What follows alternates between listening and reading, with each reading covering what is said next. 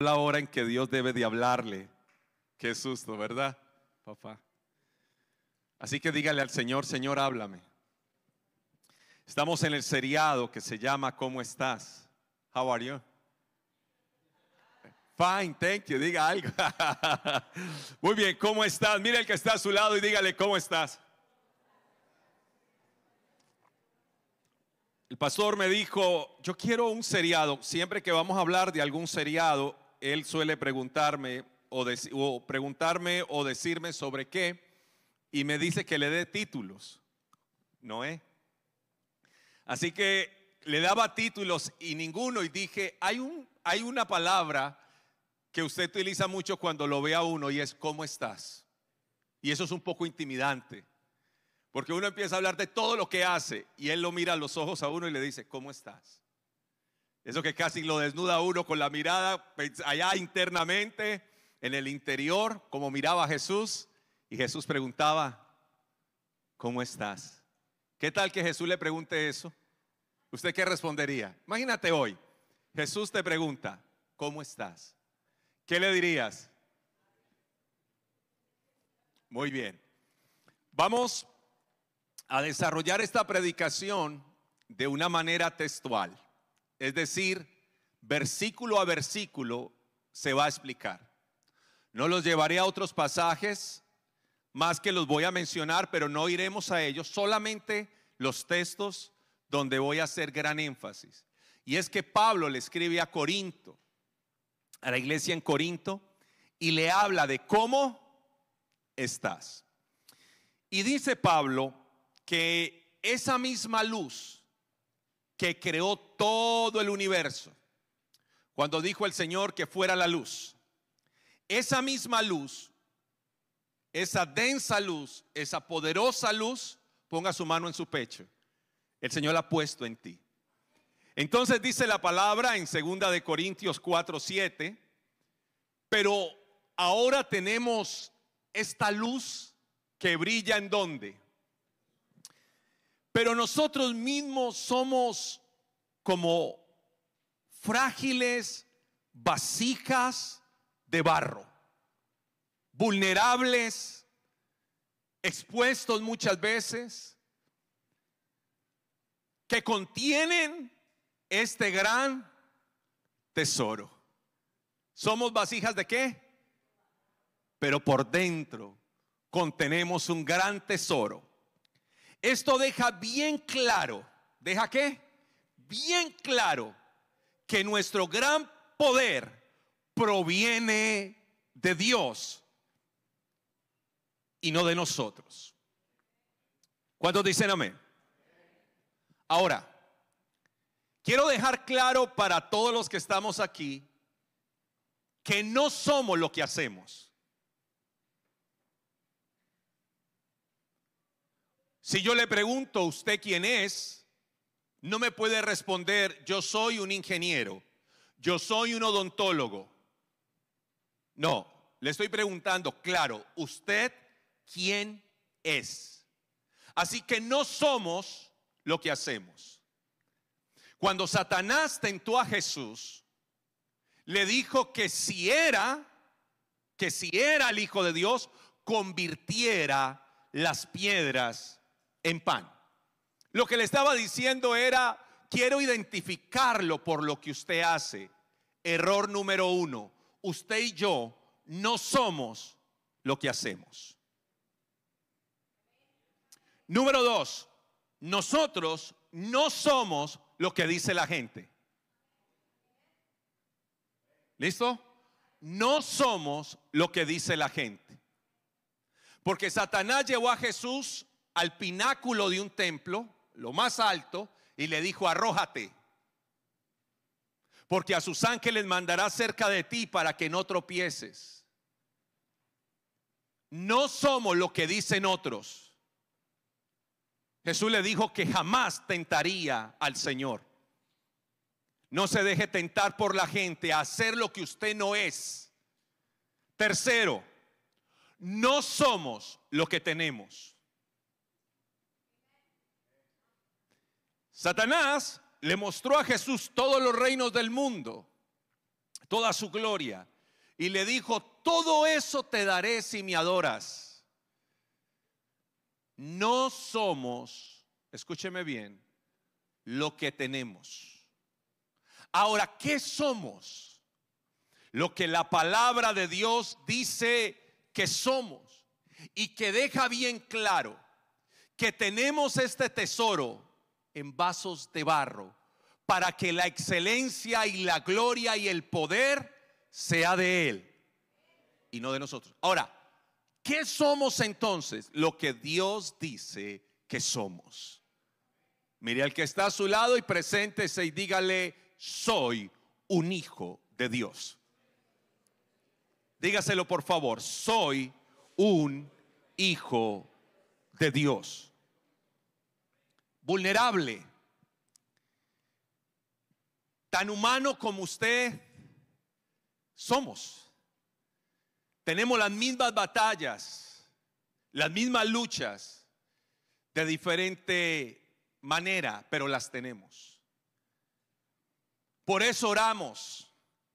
No para cambiar a Dios ni para doblarle, doblarle el brazo a Dios, sino para ser transformados nosotros.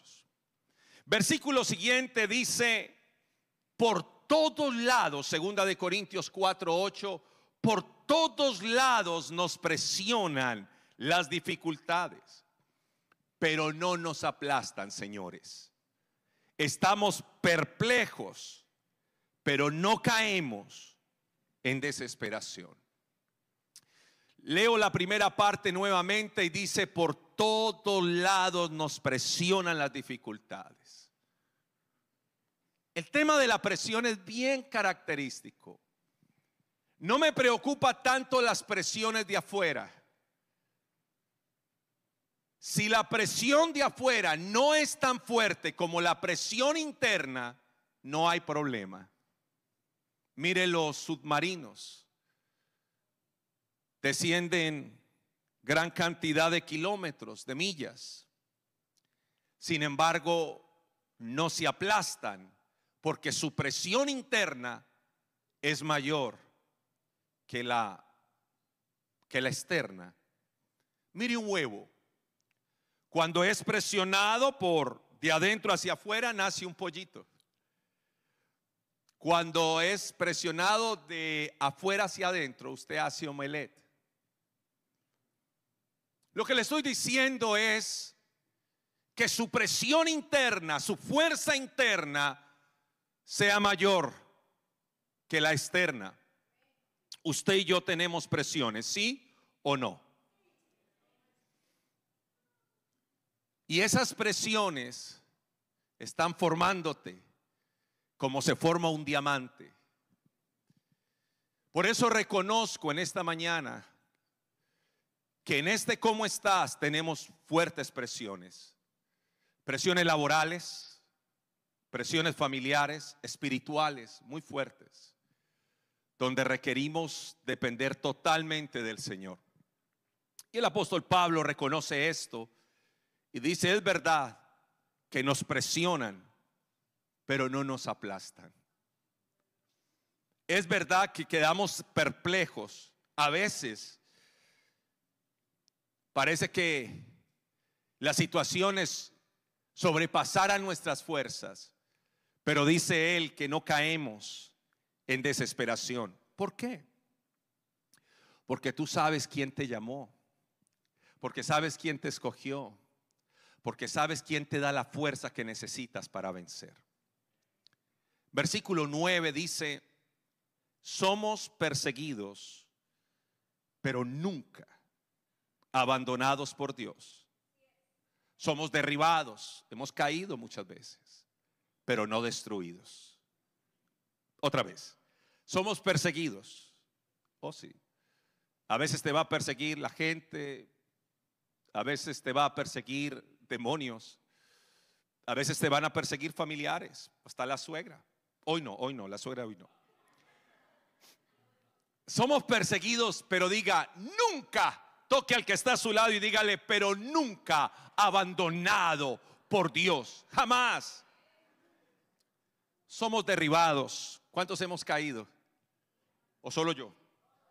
No, de verdad, ¿cuánto la hemos embarrado? Eh, hemos, nos hemos equivocado. Pero estamos aquí. Y levantamos nuestra cabeza y le decimos, Señor, es por tu gracia. Pero no destruidos. Y esto nos forma en carácter. Y cuando la Biblia dice que somos perseguidos, muchas veces tenemos que luchar con el rechazo. La raíz de todos los males en el ser humano tiene que ver con el rechazo. Y el problema es que cuando la persona es rechazada, lo próximo que hace es huir. Esa es la máscara que se pone. Entonces la persona no se compromete. La persona le da miedo. ¿Sabe por qué no se casa? Porque le da miedo el compromiso. Tenía un debate en uno de los restaurantes con un joven y él me decía que para qué casarse, que eso de ese compromiso le daba miedo. Y si a usted le da miedo el compromiso, usted está huyendo y usted tiene problemas de rechazo. Porque el rechazo siempre te hace huir. Tienes un potencial impresionante para servirle al Señor. Pero ¿sabes por qué no lo haces? Porque te da miedo. Entonces, como le da miedo, no lo hace. Toca al que está a tu lado y dile, ¿a qué le estás huyendo? No huyas, cobarde. No, mentira, no, eso no. Ahora,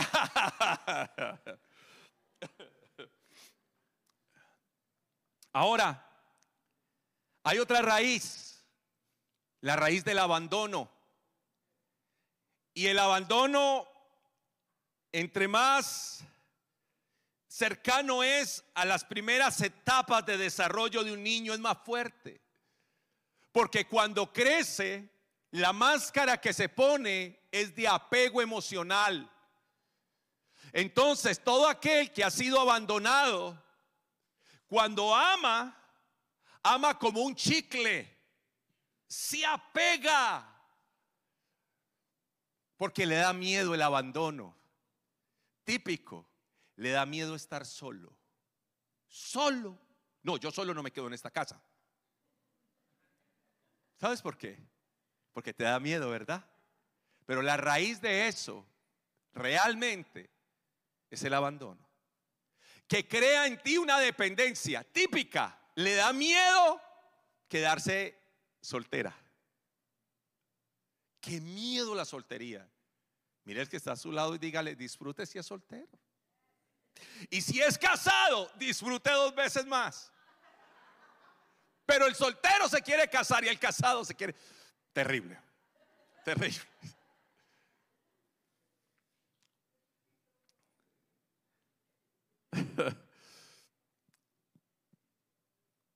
Hay otra raíz. La raíz de la humillación. Y la raíz de la humillación porque te humillaron mucho, es que crees que eso es amor. Entonces, cuando tu marido no te grita, cuando tu marido no te trata mal, usted dice tan raro que a quién se conseguiría este tipo. Porque aprendiste a amar a los golpes. Golpe con golpe yo pago. Y dice esa canción mundana, y esta es la ley del amor que yo aprendí y usted se la bailaba. ¿Cuál es la raíz del rechazo? La humillación. Perdón, ¿cuál es la raíz que vamos a mirar? La humillación. ¿En qué se vuelve masoquismo? Le gusta que le den golpes. Se mutila a sí mismo. No se come los dedos porque ya le sale sangre. Pero esas uñas parecen bombones. Los jóvenes tienen una práctica que se llama la práctica del cutting. Se, se, hacen laceraciones, como los profetas de Baal. Otra raíz, la raíz de la traición. ¿En qué se resume al ver a un padre traicionar a una madre o a un esposo traicionar a una esposa? Que cuando el hijo lo ve, que cuando el hijo ve esa traición se transforma en control. Le gusta controlarlo todo. ¿Y por qué le gusta controlarlo todo? Porque le da miedo la traición. Y toque al que está a su lado y dile, te tengo un mensaje. No puedes controlarlo todo. No puedes controlarlo todo.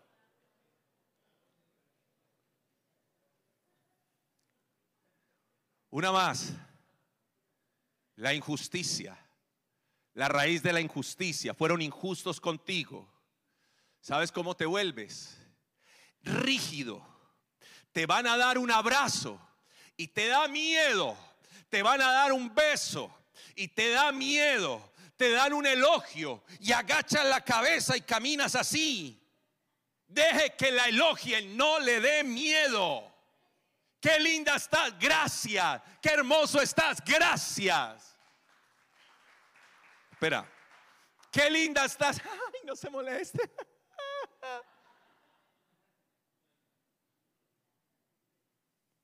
Rígida.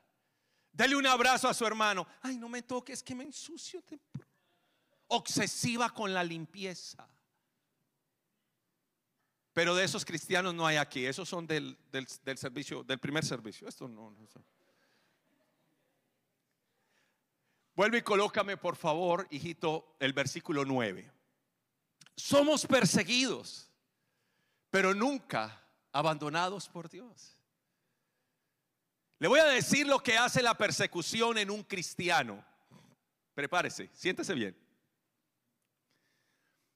Jesús llamó a Judas, ¿cómo lo llamó? Lo llamó amigo. El que lo estaba traicionando, que vino y le dio un beso en la mejilla, Jesús lo llamó. ¿Cómo lo llamó? Traidor. No. ¿Cómo lo llamó? ¿Cómo lo llamó?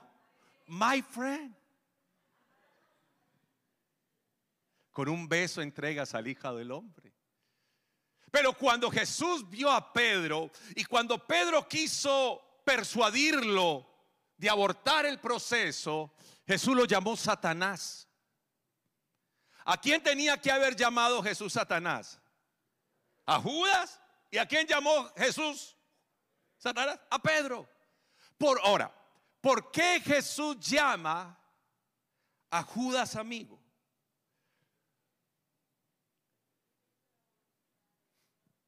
Porque esos que te oprimen, porque esos que te persiguen, porque esos que te hacen la vida difícil están sacando lo mejor de ti. Y Jesús le dijo, amigo, ¿por qué? Porque está sacando lo mejor de mí. En lugar de quedarme derribado, me levanto. En lugar al final de tanta humillación ya te suena alabanza. Y Jesús lo llamó amigo. En cambio, los que te adulan, los que se congracian contigo, los que viéndote en el error, te alaban, viéndote ofender a otro, te justifican, Jesús los llamó Satanás porque no pone la mirada en las cosas de Dios, sino en las de la tierra. Así que en el versículo 9 Pablo escribe y dice, somos perseguidos, sí, pero nunca abandonados por Dios. Somos derribados, lo reconozco, yo también he caído, pero tócale la mano al que está a tu lado y dile, pero no destruidos. Sí, pero le he fallado a Dios. Vuelva y tóquele la mano y dígale, pero no destruidos. Preste atención a esto. Las grandes victorias vienen disfrazadas o en empaque de crisis. Versículo 10 dice mediante el sufrimiento. ¿Mediante qué? Nuestro cuerpo sigue participando de la muerte de Jesús, para que la vida de Jesús también pueda verse en nuestro cuerpo. Pregunto, ¿quién de aquí ha estado batallando una enfermedad? Levante su mano. Repita allí, dice, mediante nuestro cuerpo sigue participando de la muerte de Jesús para que la vida de Jesús también pueda verse en nuestro cuerpo. Y le tengo una palabra. Esa enfermedad no es para muerte, sino para que Dios se glorifique, para que la vida de Dios se glorifique en tu cuerpo. Yo también he estado ahí y hemos estado ahí. Y yo no sé con qué hayas estado batallando físicamente.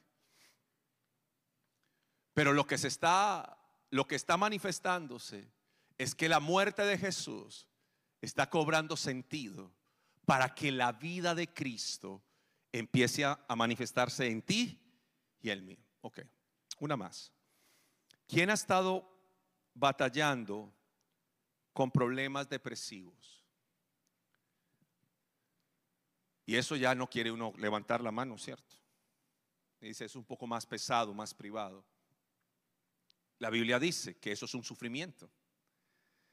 Y es que es un sufrimiento, porque la depresión no es estar melancólico, no es que usted está triste. La depresión es algo biológico. Y usted quiere estar bien, pero no puede. Está down. Pero dice el Señor en esta mañana que allí donde está esa depresión, el Espíritu Santo, su presencia, el Señor, manifiesta muerte. Tiene sentido la muerte de Jesús, porque Él llevó también la depresión. Para que la vida de Cristo, dígalo conmigo, para que la vida de Cristo también pueda verse en mi cuerpo. Versículo 11. Es cierto. Mira el que está a su lado y dígale, es cierto. Vivimos en constante peligro de muerte porque servimos a Jesús, para que la vida de Jesús sea evidente en nuestro cuerpo que muere. Diga la vida de Jesús, sea evidente. Así que vivimos de cara a qué? A la muerte. Versículo siguiente. Versículo 12. Así que vivimos de cara, claro. ¿Qué es lo más real que va a ocurrir? Pues la muerte. Pero hay quien le tiene miedo a la muerte. Uno habla de muerte y dice, ay, no. Pero esto ha dado como resultado vida eterna para ustedes. Así que le voy a dar mi filosofía de vida. Prepárese pues. Voy a resumirle como yo resumo mi vida no es como yo nazca, no es como yo muera, es como yo viva. Otra vez, no es como yo nazca. Pastor, es que yo soy fruto de una noche loca. Perdón, de una loca noche. Pastor, es que yo soy, yo soy hijo de la otra. ¿Cuál otra? Pues de la otra que tenía mi papá. Pastor, es que a mí me regalaron o me adoptaron. Pastor, ¿por qué esa persona, ese niño, tuvo que morir aplastado? Pastor, ¿por qué, por qué ese hombre tuvo que morir electrocutado? Mi tío, el tío menor de la casa, muchacho muy, muy querido, mi tío José, corta un árbol, trabajaba para maderas de Colombia, corta el árbol. Muchos años trabajando en eso el árbol cae, pero cae sobre dos árboles que lo reciben. Y se viene como, como en un tobogán y golpea su vientre y lo revienta. Un hombre bien, de bien, un hombre temeroso de Dios, ¿por qué muere así? Entonces concluyo esto. No es como nazca, ni como muera. Jesús murió en dónde? desnudo. Porque nosotros le ponemos pañal, pero él murió desnudo. Entonces no es como muera, ni es como nazca, es como qué. Entonces déjeme preguntarle algo, ¿usted cómo vive? ¿Disfruta su vida? Regáleme una sonrisa. ¿Disfruta su vida? ¿Disfruta la persona que tiene a su lado? ¿Disfruta esta iglesia? Cuando come, disfruta lo que come. ¿Se baila la vida? ¿Va a su trabajo con alegría? ¿Qué es eso? ¿Si escuchaste, hija? Tú lo escuchaste. ¿Qué es eso? Otra vez lo voy a preguntar, lo voy a preguntar. ¿Va a su trabajo con alegría? ¿Ama a su suegra? ¿Qué es eso? ¿Ama a su esposa? Me cae bien. eh, espere, espere. ¿Ama a su esposo?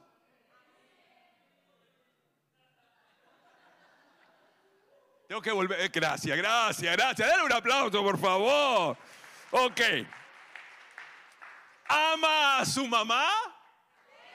Ah, tiene que disfrutarse la vida, porque estamos de cara a la muerte. Esta semana un joven que conocí tuvo su niña, 23 años, 24 años, acaba de morir.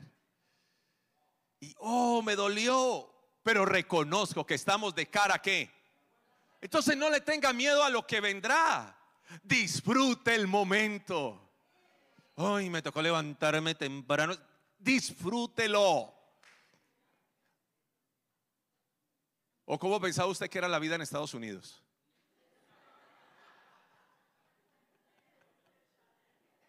¿Cómo es que la gente en nuestros países cree que usted recoge el dinero? Ay, mira. Cuando abre la puerta tiene iPad, celulares. Así creen.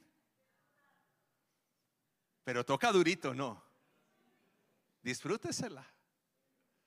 ¿Cuántos van a disfrutarse la vida en Dios? Ahora, ¿cómo nació? ¡Ah! ¿Cómo va a morir? Mire, él no, ¿cómo quiere morir? Siento mil maneras de morir, pero mil maneras de morir. La mayoría me responde que quiere morir en su casa, acostado. Le tengo malas noticias. No, no, tranquila madre, tranquila. El 90% de los que estamos aquí moriremos en un hospital solos.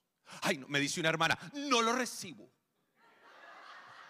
Así me dijo, no lo recibo. Se ofendió la señora. Está bien, es ok, es ok, como dice la niña. Es ok, es ok. No es como muera, es como viva. Disfrútese su vida. Disfrútese los 20. Disfrútese los 30. Disfrútese los 40. amén. Disfrútese los 50. Disfrútese los 60. ¿Qué pasó? Disfrútese los 70. Eso es. Disfrútese los 80. Disfrútese los 90. Vaya al cielo pero contento. Tenemos que terminar la predica. Vamos bien. Ahora, esto me lo recomendó nuestro pastor Juan Carlos. Esto que le voy a decir, me dijo que se los dijera. Hay un problema cuando las prioridades se vuelven urgencias. Sus hijos son una prioridad, pero se le volvieron una urgencia porque no comparte con ellos. La oración es una prioridad, pero se te volvió una urgencia porque no oras. Amar a tu esposa es una qué, pero se te volvió un problema porque no le das ese, el amor hay que expresarlo, no hay que sentirlo solamente. Tus padres se te volvieron una urgencia. ¿Por qué? Porque deberían de ser una qué? Prioridad. pero se te volvieron una urgencia. Entonces el mensaje de nuestro pastor cuando lo hablábamos me decía, quiero que hables de esto.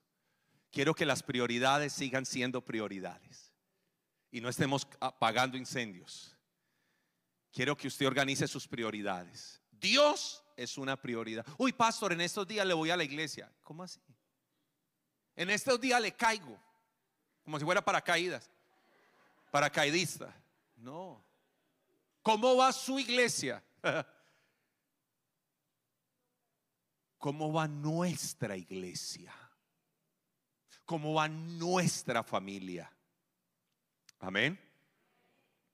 Muy bien. Cierro. Versículo 13 dice, sin embargo, ah, versículo 13, diga conmigo, sin embargo, ah, seguimos predicando porque tenemos la misma clase de fe que tenía el salmista cuando dijo, creí en Dios, por tanto hablé. Otra vez, sin embargo, ¿qué vamos a seguir? Seguimos predicando porque tenemos la misma clase de fe que tenía el salmista cuando dijo, creí en Dios, por tanto hablé. ¿Cuántos creen en Dios? Entonces hable como Dios, piense como Dios. La Biblia lo dice.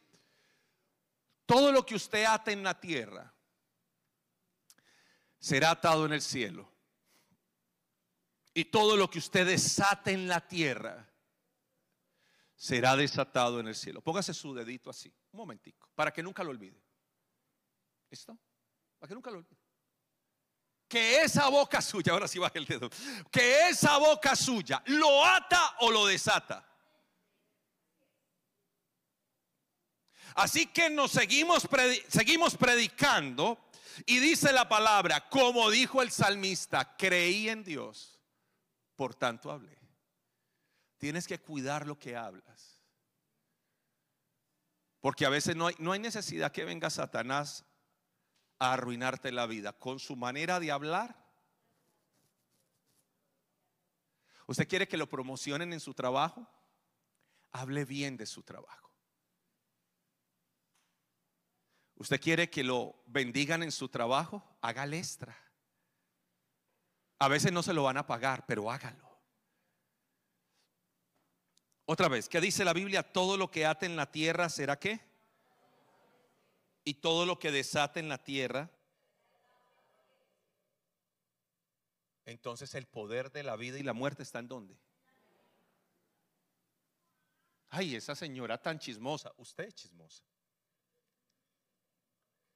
Porque aún uno muere por dónde? Por la boca. La Biblia dice que la lengua la inflama al infierno o ella misma inflama al infierno. Uy, tan horrible que estoy. Pues si usted se dice así, ¿qué espera que le diga a su marido? No soy capaz. No soy capaz. No, ¿y, ¿y qué espera que yo le diga? Diga conmigo, todo. Vamos, diga, todo. ¿Cómo se dice todo en inglés? Ok. Todo lo puedo en Cristo que me fortalece. ¿Estamos? Muy bien. Se nos acabó la prédica, pero está muy bueno, o por lo menos creo que sí. Versículo 14. Sabemos que Dios, quien resucitó al Señor Jesús, también nos resucitará con Jesús y nos presentará ante el mismo ante Él mismo junto con ustedes. El poder de la resurrección. Apréndaselo. Es un versículo muy lindo. Dice, si el espíritu de vida, dígalo conmigo, si el espíritu de vida resucitó a Jesús de los muertos, el mismo espíritu sanará mi cuerpo. Otra vez, si el espíritu de vida que resucitó a Jesús de entre los muertos, mora en mí, el que resucitó a Jesús de entre los muertos, sanará mi cuerpo. En ustedes y en mí opera el poder de resurrección. Escúchelo otra vez. Venga, les explico. Todo lo que usted ve en la tierra se corrompe, se desgasta y se acaba. Aún nuestro cuerpo se desvanece. Algunos pueden decir, ya no tengo la misma fuerza que tenía antes. Pero hay un poder que puede rejuvenecerlo a usted. Y se llama el poder de resurrección. Y dice la Biblia en Romanos 8:11, no lo busquemos, porque vamos a seguir textual ahí. Si el Espíritu que resucitó a Jesús de entre los muertos mora en mí, el que resucitó a Jesús vivifica mi cuerpo. ¿Cuánto lo creen? ¿En dónde vivo yo eso? En el cáncer que padezco. Si yo no lo digo, usted no sabe que yo padezco cáncer. Pero los que me han acompañado como Gustavito, sabe del tratamiento que me hacen cada mes. Y antes era cada semana un litro de sangre. Así que cuando usted me ve muy cachetirrojo, usted dice, ay, tan bonito. No, estoy peor. Porque quiere decir que la hemoglobina se qué? Se subió y me tienen que sacar sangre inmediatamente. ¿Estoy rojo? Pero del calor. Entonces escúcheme. ¿Qué me mantiene vivo? El poder de resurrección.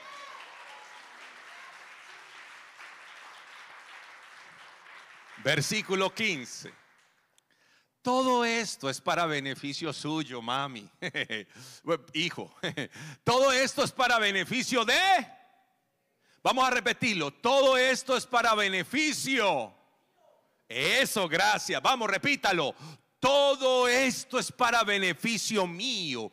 Y a medida que la gracia de Dios alcance a más y más personas, habrá abundante acción de gracias. Y Dios recibirá más y más gloria. Porque dirá la gente, ¿qué hizo Dios en tu hogar? Y tú dirás, Dios salvó mi hogar. Que te preguntará la gente, ¿qué hizo Dios en tu cuerpo? Y usted dirá, Dios me sanó eso dice la Biblia, que esto es para beneficio. Aquí no estamos hablando de que se murió. Aquí no estamos hablando de que esto ya no va más. Aquí estamos hablando de resurrección, de beneficio.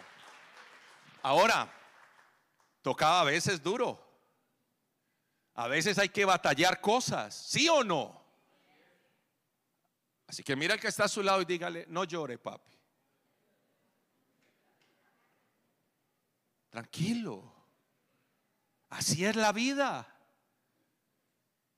Pero usted tiene un poder interno que es más fuerte que su debilidad.